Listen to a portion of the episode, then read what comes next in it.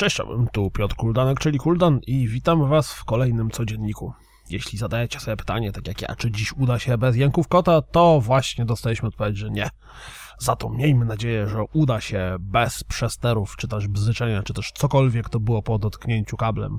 Cześć kocie. Tak czy siak, zaczynajmy kolejny codziennik. Niestety po mojej przygodzie z Mafią 3 nie mam ochoty do niej wracać, ale zwiastun DLC Stones Unturned wygląda interesująco. Zostając przy temacie DLC, Fallen Ghost do Ghost Recon Wildlands wygląda smakowicie. Być może rozgrywka w The Girl and the Robot będzie bardzo interesująca, ale patrząc po zwiastunie gra wygląda tanio? Czy są tu jacyś fani Star Treka? Co sądzicie o Star Trek Bridge Crew?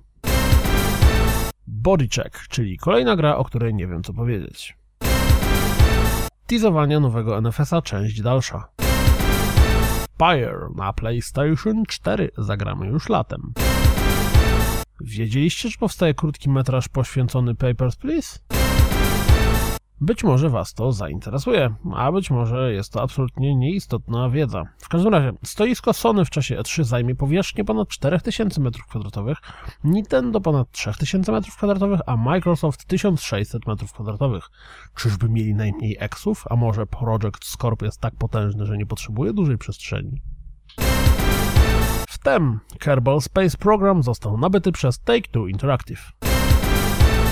Wiemy, w co zagramy w ramach czerwcowego PlayStation Plusa. Na PlayStation 4 będzie to Killing Floor 2 i Life is Strange, na PlayStation 3 Abyss Odyssey i WRC 5, a na PlayStation Vita w ramach crossbuya z PS4 Neon Chrome i Spy Chameleon. Pierwsze 15 minut Tekken 7 prezentuje się następująco. Patrząc na ten materiał dotyczący Valkyrie Revolution, uświadomiłem sobie, że lubię oglądać materiały związane z muzyką w grach. Rozgrywka z komentarzem w Dreadnought wygląda całkiem imponująco, biorąc pod uwagę, że jest to gra o napieprzaniu się wielkimi statkami. Filmowe wprowadzenie nekromanty w Diablo 3, i to w wersjach zarówno męskiej, jak i żeńskiej, wygląda tak. Jak widać z nowego dziennika deweloperskiego, dowiedzieliśmy się, że nowa mapa w Overwatchu zabierze nas na Księżyc. To wszystko na dziś. Jak zawsze zapraszam na rozgrywkapodcast.pl z www na samym początku.